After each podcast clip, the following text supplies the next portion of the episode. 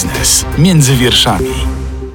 Agnieszka Zaręba, dzień dobry. Dzisiaj w podcaście Biznes między wierszami porozmawiamy o tym, że Polski Ład od lipca przejdzie rewolucję. Co ona oznacza dla przeciętnego Kowalskiego oraz dla polskich przedsiębiorców i rodzin. Artur Soboń, wiceminister finansów, opowie o najnowszych zmianach. Dzień dobry. Dzień dobry. Gdyby mógł pan cofnąć czas do połowy maja 2021 roku, czyli do tego momentu, gdy Polski Ład był ogłaszany i wprowadzić swoje zmiany, to czy dużo inaczej wyglądałby na starcie ten dokument? Pewnie był, byłby on bliższy temu rozwiązaniu, które dzisiaj e, wprowadzamy, bo te e, takie dedykowane dla określonych grup podatników e, sposoby korekty podatku w dół, czyli tak zwana ulga dla klasy średniej, to jednak zły pomysł, bo to nie tylko to komplikuje system, nie tylko jest niezrozumiałe, no ale też działa w taki nieprzewidywalny sposób, no bo podatnicy nie mają każdego miesiąca takich samych dochodów. Nie mogą być przecież pewni, jakie dochody otrzymają w ciągu e, roku. E, i mówienie od do w podatkach no jest bez sensu, no bo wystarczy sytuacja, w której dostaniemy ekstra środki miesięcznie i już wypadaliśmy z tej ulgi dla klasy średniej, albo sytuacja, w której na przykład ktoś zaszedł w ciążę i też wypadał tylko z tego powodu, że na przykład rocznie E, nie, nie doszedł do tej dolnej e, granicy, bo gdyby ta kobieta, która zaszła w ciąży pracowała, no to by to ulgę dla klasy średniej miała. No system podatkowy nie może być loterią, e, nie może być aż tak nieprzewidywalny. Co więcej, jeśli mówimy o samych księgowych, narzędziach informatycznych, czystej praktyce stosowania podatków, no to lepsze są systemowe, powszechne, zrozumiałe narzędzia niż takie celowane, dedykowane formy, które nawet jeśli są korzystne dla podatników, no są po prostu trudne do mm, wdrożenia. I to jest pewnie ta najważniejsza rzecz, która by różniła ten system. No druga to jest taka, że mm, w tej dyskusji zawsze było jakieś niedopowiedzenie. Dzisiaj najpopularniejsze niedopowiedzenie dotyczy kwoty wolnej, to znaczy ci, którzy mówią, że ta e, obniżka podatków nie jest obniżką, doliczają całą składkę zdrowotną do 12% i mówią, że to jest więcej niż 17%. E, e, I to jest nieprawda z tego powodu, że trzeba mówić o wszystkich parametrach, nie tylko o częściowym odliczaniu składki zdrowotnej od finalnego podatku, ale także o wyższej kwocie mm, wolnej, ale z drugiej strony nie można nie mówić o, o, tym, że z tego systemu wyjęliśmy możliwość odliczania właśnie dużej części składki zdrowotnej od finalnego podatku, co było bardzo korzystnym rozwiązaniem dla wielu e, podatników. Per saldo dzisiaj, o tym jestem całkowicie przekonany, mamy system bardziej przewidywalny, mm, podatki nieco niższe, ale mamy też system bardziej sprawiedliwy, bo gdybyśmy spojrzeli na prostą umowę o pracę, E, umowę o pracę w roku 2021 i umowę o pracę po tych zmianach e, dzisiaj, to widać, że progresja działa w taki sposób, że zawsze przy takim klasycznej sytuacji e, jednej umowy o pracę, ktoś, kto zarabia do 18 tysięcy złotych, jest poniżej tego progu jak w roku 2021, czyli płaci mniej podatków, a jeśli ktoś zarabiał i zarabia 18 tysięcy złotych w górę, no to e, tego podatku płaci więcej niż w roku 2021, bo w 2021 składka powodowała, że mm, ten system był bardzo korzystny dla osób lepiej zarabiających. Słuchasz podcastu Radia Z. Powiedział pan taką kluczową kwestię, że system podatkowy nie może być loterią, że ważne jest, e, żeby podatnicy wiedzieli na czym stoją, a w pierwszej wersji Polskiego Ładu te przepisy były jednak skomplikowane. Nawet pan przyznał, że potrzebował dwóch miesięcy, żeby je przeanalizować, a jak jest teraz? Gdzie przeciętny Kowalski może sprawdzić sprawdzić, jak zmieni się jego sytuacja podatkowa od lipca. Podatki.gov.pl to jest strona, na której są wszystkie informacje dla podatników. Dodatkowo prowadzimy w internecie przez webinary, przez różnego rodzaju online'owe mm, spotkania z ekspertami, no, pokazujemy wszystkie skutki, odpowiadamy na pytania. Są stacjonarne spotkania, które organizuje Krajowa Administracja Skarbowa w każdym z y, miast wojewódzkich. No w sumie już 10 tysięcy osób uczestniczyło w takich y, spotkaniach, więc widać, że jest zainteresowanie. Zachęcam również do tego, aby się tym zainteresować, jeśli mm, chcemy o coś y, dopytać. No i tam też na stronie podatki.gov.pl no pewnie najszybciej te wszystkie informacje, które chcemy przekazać się znajdą.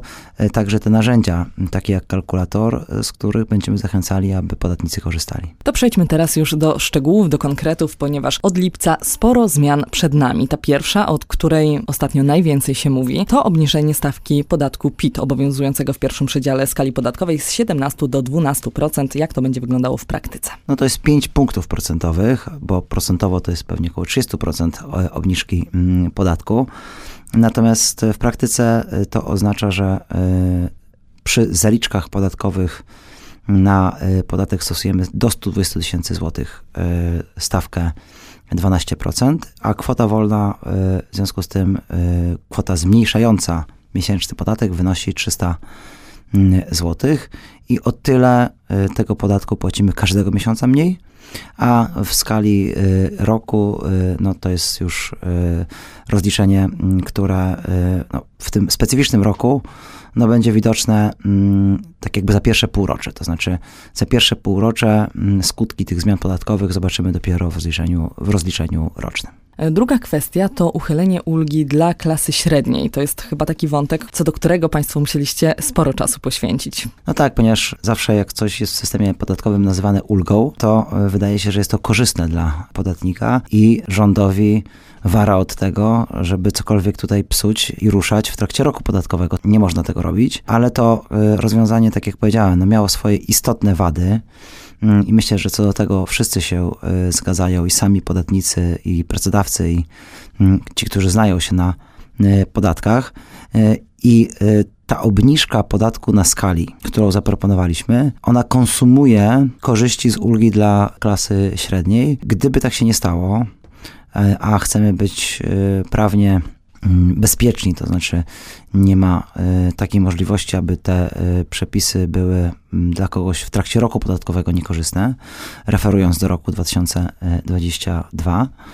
E, zabezpieczyliśmy się w ten sposób, biorąc pod uwagę, że w systemie podatkowym zawsze są jakieś sytuacje wyjątkowe, mm, różnego rodzaju zbiegi różnych sytuacji, w połączeniu z ulgą do klasy średniej mogłyby dać lepsze, bardziej korzystne dla podatnika zobowiązanie podatkowe i tutaj system przy rozliczeniu rocznym e, takie osoby wychwyci. One nie muszą nic robić, po prostu wypełniamy PIT zgodnie z e, tym, jak jest w rzeczywistości, mm, ale e, Krajowa Administracja Skarbowa poprzez narzędzie informatyczne wychwyci tych podatników. Liczymy, że to jest jeden podatnik na tysiąc, więc to jest bardzo mała skala, ale ale mogą się tacy podatnicy trafić i oni zapłacą zobowiązanie, które po prostu będzie dla nich bardziej korzystne. Co powiedziałby Pan osobom, które mają lekkie obawy co do faktu, że te przepisy zmieniają się w trakcie roku? To nie jest sytuacja standardowa, mm, to nie jest sytuacja komfortowa także dla mnie i to nie jest sytuacja łatwa dla tych wszystkich, którzy się podatkami zajmują, bo mają po prostu więcej pracy. Ja bym powiedział, że to jest e, ten moment, w którym przecinamy ten chaos polegający na dualizmie zaliczkowym i na mm, tych skomplikowanych rozwiązaniach, które częściowo były wprowadzone po 1 stycznia, no bo oczywiście cały szereg dobrych rozwiązań został wprowadzonych po 1 stycznia 2022 i na pewno nadużyciem i taką publicystyczną manierą, a, a nie rzeczywistością jest y, mówienie o tym, że w roku 2022 będziemy mieli kilka systemów podatkowych i tak dalej. To jest nieprawda, bo za cały rok 2022 rozliczymy się w oparciu o ten system podatkowy, który w tej chwili obowiązuje, a w zaliczkach będzie jednolity system zaliczek od y, lipca, więc y, być może jest tak rzeczywiście, że tych zmian jest dużo, ale to jest ta zmiana, która ucina te wszystkie sytuacje, które budziły wątpliwości, w szczególności księgowych i osób zajmujących się podatkami. Wątpliwości budził także m.in. dualizm e, zaliczkowy, przed chwilą wspomniany przez Pana. Na czym on polega w praktyce? Czy to oznacza, że na nasze konto teraz wpłyną wyższe czy niższe pensje? Dualizm zaliczkowy polegał na tym, że można sobie było wybrać zaliczkę dla siebie bardziej korzystną, albo w oparciu o przepisy z tego roku, albo z roku ubiegłego. A można było, jeśli ma się kilka tytułów, wybrać miks. No i trochę jakby wprowadzić się samemu w sytuację, w której na koniec roku przy rozliczeniu rocznym dojdzie do dużej dopłaty. Mm, I to jest sytuacja, e, w którą państwo nie chciałoby wpychać e, podatników, bo podatki powinny być, jeśli chodzi o zaliczki, no, adekwatne do faktycznego podatku. Pobierać sobie tam co miesiąc tyle, aby to po prostu pokryło mm, podatek i aby to było w miarę, w miarę na zero. Oczywiście mm, tak pewnie rzadko kiedy jest, że to jest dokładnie zero, ale lepsza Mm, mm, lekka nadpłata niż duża e, zaległość i konieczność e, dopłaty w zeznaniu mm, rocznym, a tak by było. Gdybyśmy tego nie zrobili, co zrobiliśmy, tak by było dla naprawdę wielu milionów podatników. Ja liczę, że po tych zmianach tych podatników, którzy dopłacą, będzie około miliona. Zwykle każdego roku było to około dwóch milionów, więc tu na, na pewno te zaliczki będą mm, bardziej e, proporcjonalne i one oczywiście będzie to sytuacja, w której, w której przez to, że one będą proporcjonalne, e, znakomita większość e, podatników mm, zobaczy już na rękę te e, wynagrodzenia no, odrobinę wyższe, czyli niższe zaliczki na podatek, ponieważ podatek będzie niższy. Ale są tacy, którzy nie zobaczą e, niższych zaliczek. Są tacy, którzy w umowach zleceniach skorzystają dopiero w rozliczeniu rocznym, ponieważ księgowi, dostawcy oprogramowania wszyscy powiedzieli zgodnie, że tego nie da się tak szybko wdrożyć. I tutaj w zaliczkach to będzie od 1 stycznia, w rozliczeniu rocznym za cały rok, więc tu na pewno będzie sytuacja, w której mm, y, ta zaliczka y, może być y, wyższa, inaczej byłaby bardzo wysoka dopłata mm, w roku mm, przyszłym. A druga grupa, która z pewnością będzie no, przynajmniej miała powód do tego, żeby zastanawiać się, jak ten system działa, to ci, którzy mają kilka dochodów, bo w sytuacji kilku dochodów e, mamy tylko jedną kwotę wolną, choć wysoką, 30 tysięcy złotych, to jedną e, i ona może być skonsumowana w jednym e, źródle naszych dochodów, a w drugim nie, no bo po prostu w całości została, została mm, pomniejszyła zaliczki na, E, na podatek.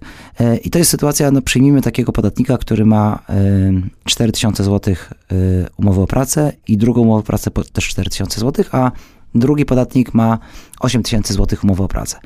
To mm, jeśli mamy podatnika, który ma 8000 zł, on ma nieco niższe koszty uzyskania przychodu, w związku z czym ten podatek jego wynosi tam około 6 tysięcy złotych. Ten, który ma dwa razy po 4, ten finalnie roczny podatek jest nieco ponad 5800, więc w sumie nawet troszkę lepiej dla tego, który ma dwa razy po 4. Ale w zaliczkach ten, który ma 8 tysięcy, no będzie widział ładnie każdego miesiąca jednakowo te zaliczki będą mu schodziły na podatek. Ale ten, kto ma 4 i 4, to w jednym źródle, u jednego pracodawcy będzie miał e, wynagrodzenie na rękę dużo wyższe, a w drugim dużo niższe, bo tylko jedno z tych wynagrodzeń e, będzie uwzględniało kwotę e, zmniejszającą podatek.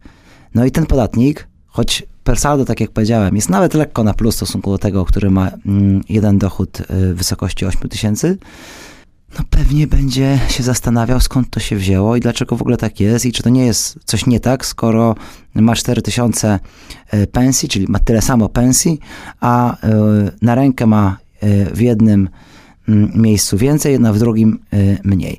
Tak działa e, kwota wolna. Kwota e, zmniejszająca podatek poprzez odliczenie składki zdrowotnej działała bardziej proporcjonalnie, ale ta działa po prostu lepiej dla podatników mniej zarabiających i o to nam głównie w tych zmianach chodziło, no aby ostatecznym, największym beneficjentem był podatnik, który po prostu zarabia mniej. A co z osobami, które właściwie zarabiają więcej, bo pracownicy, którzy zarabiają powyżej 12 tysięcy złotych, tracą najwięcej w porównaniu z zasadami opodatkowania sprzed Polskiego Ładu pracownik, który zarabia na przykład 20 tysięcy złotych, straci w porównaniu z 2021 rokiem 231 złotych miesięcznie. To jest e, teza która mm, mogłaby być e, tutaj broniona, gdybyśmy patrzyli tylko na zaliczkę czerwiec-lipiec. Patrzmy mm, jednak, że ten e, cały rok ma 12 miesięcy, mm, to jednak dużo dłużej niż jeden miesiąc i zeznanie jest roczne i te zaliczki się zmieniają. To znaczy ten, który zarabia te 12 tysięcy, owszem, y, będzie mm, miał sytuację, w której w lipcu to na rękę no będzie po prostu mm, trochę, mm, trochę mniejsze. Ale przy 12 tysiącach 85 tysięcy, czyli y, kwotę tego progu, jeśli ma te zaliczki pobierane tak jak w 2021 roku, przekroczy dużo wcześniej niż teraz, bo teraz ta kwota kiedy płacimy stawkę 32%, to 120 tysięcy. W związku z powyższym, ten ktoś już pewnie w październiku, może nawet we wrześniu, jak ma 12 tysięcy, miałby zaliczki wyższe, a potem dużo wyższe, wielokrotnie wyższe niż w czerwcu. E, a tak te zaliczki sobie będą e, spokojnie przez kolejne miesiące w takiej samej e, wysokości. Więc dlatego mówię, żeby patrzeć na wynagrodzenie roczne, bo ono daje perspektywę, jak to się w ciągu roku rozkłada. No tego, kto zarabia 20 tysięcy, nie będę specjalnie analizował, no bo po prostu zapłaci więcej podatku niż w 2021 roku. Słuchasz podcastu Radia Z. Mówimy też o umożliwieniu zdefiniowanej grupie podatników przekazywania kwot w wysokości 1% podatku należnego organizacji pożytku publicznego na podstawie wniosku za poprzedni rok podatkowy. Co tutaj będą za zmiany? To jest długa historia, bo myśmy mm, od samego początku powiedzieli organizacjom pożytku publicznego, że skoro zmniejszamy podatki i ta podstawa do wyliczenia 1% jest y, mniejsza, siłą rzeczy 1% to po prostu mniejsza kwota na y, organizację pożytku publicznego, to my to zrekompensujemy z budżetu. I tak sobie tutaj rozmawialiśmy z OPP. Duże organizacje mówiły z automatu, małe jakieś konkursy. W końcu stanęło na tym, że to jakoś podzielimy. Rada Pożytku Publicznego określi kryteria, będą częściowo z automatu, częściowo konkursy. No, krótko mówiąc, e, taki hybrydowy system uzupełnienia tych środków, które wynikają z obniżki podatków. Ostatecznie po pracach parlamentarnych Senat zgłosił poprawkę, która nie została odrzucona przez e, Sejm e, i ona oznacza proste rozwiązanie, że 1% równa się 1,5%. Może nie brzmi to zbyt logicznie, e, ale 1% podatku, który wypełniamy w picie, w praktyce oznacza 1,5% tegoż podatku. Krótko mówiąc, nie będzie tego mechanizmu uzupełniania środków dla OPP, który proponowaliśmy, ponieważ no, te 1,5% to, to więcej, bo ubytek szacowaliśmy na 0,2, mm, na około 20%, mm, więc y, no, po prostu organizacje pożytku publicznego będą miały więcej środków, y, które będą proporcjonalnie w stosunku do wyborów podatników rozdzielane pomiędzy te organizacje. A na jakie zmiany powinny przygotować się polskie rodziny i rodzice dzieci małoletnich? Po pierwsze, kwota dziecka pracującego która pozwala na skorzystanie ze wszystkich preferencji, znacznie rośnie z nieco ponad 3 tysięcy na ponad 16 mm, tysięcy złotych. Samotni rodzice mm, mają możliwość wspólnego rozliczania się z e, dzieckiem w zamian za e, ulgę 1500, która była w e, polskim ładzie. Mm, no mamy dodatkową kwotę wolną z tytułu renty rodzinnej, mamy zwolnienie, znaczy PIT zero przy zasiłku macierzyńskim, mamy mm, zwolnienie z, przy takich niskich dochodach ze składek e, e, zdrowotnych, na przykład przy stypendiach e, dla uczniów. No, taki cały szereg drobnych, ale jednak ważnych dla rodzin pozytywnych rozwiązań. Pojawiają się informacje dotyczące zmian w zakresie zwolnień przedmiotowych i zmian o charakterze porządkowym. Co to oznacza? Porządkowym to jest tak, że no, uszczelniliśmy na przykład tak zwaną ulgę na zabytki, e, która była mocno e, komentowana, a część zmian wynika z tego, że one były wątpliwe po prostu konstytucyjnie na przykład, czyli ulga abolicyjna. I w związku z tym, że one jeszcze w praktyce nie wyszły w życie, bo tam te terminy były późniejsze, no to w ogóle się z tego wycofaliśmy, no bo wiedzieliśmy też, że mm, tutaj Trybunał Konstytucyjny miałby, miałby swoją pracę do wykonania, bo wiedzieliśmy o wniosku, który miał być złożony do Trybunału, więc mm, to, to są tego typu, tego typu rzeczy. No są też takie rzeczy, bym powiedział, wynikające z sytuacji. No mamy sytuację, w której nie chcemy dokładać przedsiębiorcom dodatkowych obowiązków, stąd też takie zmiany, które zmniejszają biurokrację, znaczy mówimy, że no nie, no nie teraz, przesuwamy terminy, nie trzeba będzie tam wykonywać pewnych e, nowych zadań związanych z z jednolitym e, plikiem kontrolnym. Więc to jest taki też, bym powiedział, część, część tego pakietu E, pakietu e, zmian. No, generalnie wsłuchiwaliśmy się w głos, bo dużo zmian jest w wyniku konsultacji, które miały miejsce. No właśnie te dobre zmiany dla podatników, jak e, rozliczanie kwoty wolnej w zaliczkach przy umowach zleceniach, czy mm, dzielenie kwoty wolnej na kilka, kilka źródeł dochodów. Myśmy to chcieli zrobić już, no ale powiedziano nam, że jednak to nie jest takie łatwe, aby to wdrożyć tak z dnia na dzień, na 1 lipca. Zróbcie to od 1 stycznia. No i tutaj Wysłuchaliśmy tego głosu, a przedsiębiorcy powiedzieli nam, że skoro robicie takie zamieszanie,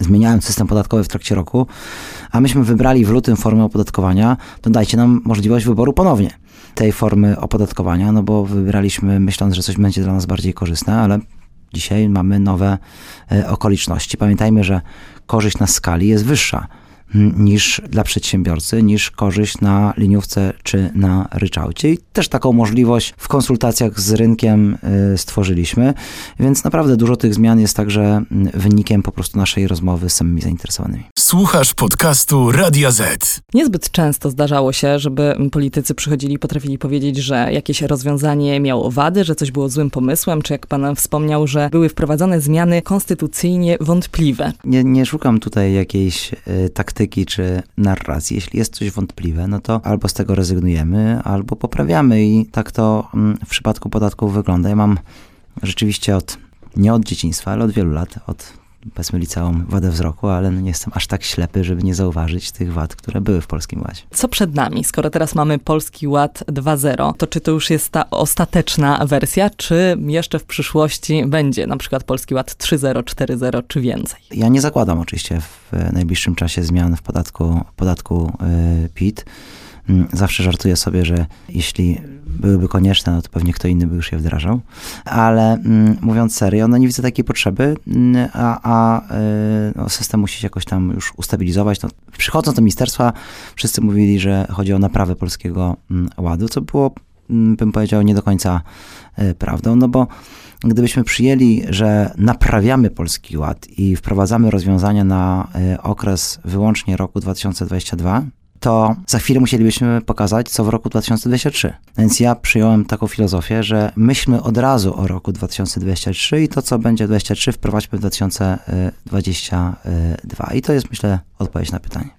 A to w takim razie tak na koniec miał pan nutkę obawy, obejmując e, to stanowisko i podejmując się tego zadania, biorąc pod uwagę, że poprzednicy jednak już nie są na swoich stanowiskach, ci, którzy zajmowali się tym tematem. Ja mam cały czas oczywiście y, liczne obawy, bo to nie jest rozwiązanie idealne. To jest rozwiązanie, które na pewno dla wielu podatników będzie albo nie do końca zrozumiałe, albo no tak sytuacja, w której, w której do zwrotu, na przykład przy umowach zleceniach będą duże kwoty nadpłaty, no też nie jest ok, tak? No dzisiaj mamy wysoką inflację, ludzie by chcieli od razu dostać w wynagrodzeniach e, wyższe, wyższe środki do e, kieszeni, więc ja na pewno tutaj e, nie uważam, aby udało się stworzyć coś, co jest jakimś wzorcem SEWR, raczej jest czymś lepszym po prostu niż ten system podatkowy był po 1 stycznia 22, ale jest też czymś lepszym i tu jest y, coś, czego będę mm, na pewno bronił, niż system podatkowy w roku 2021.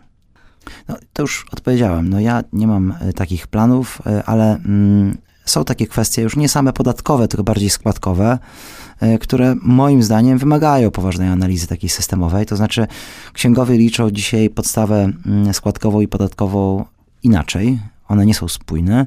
I gdyby udało się to uspójnić, to byśmy tam mieli e, na pewno mm, dużego plusa.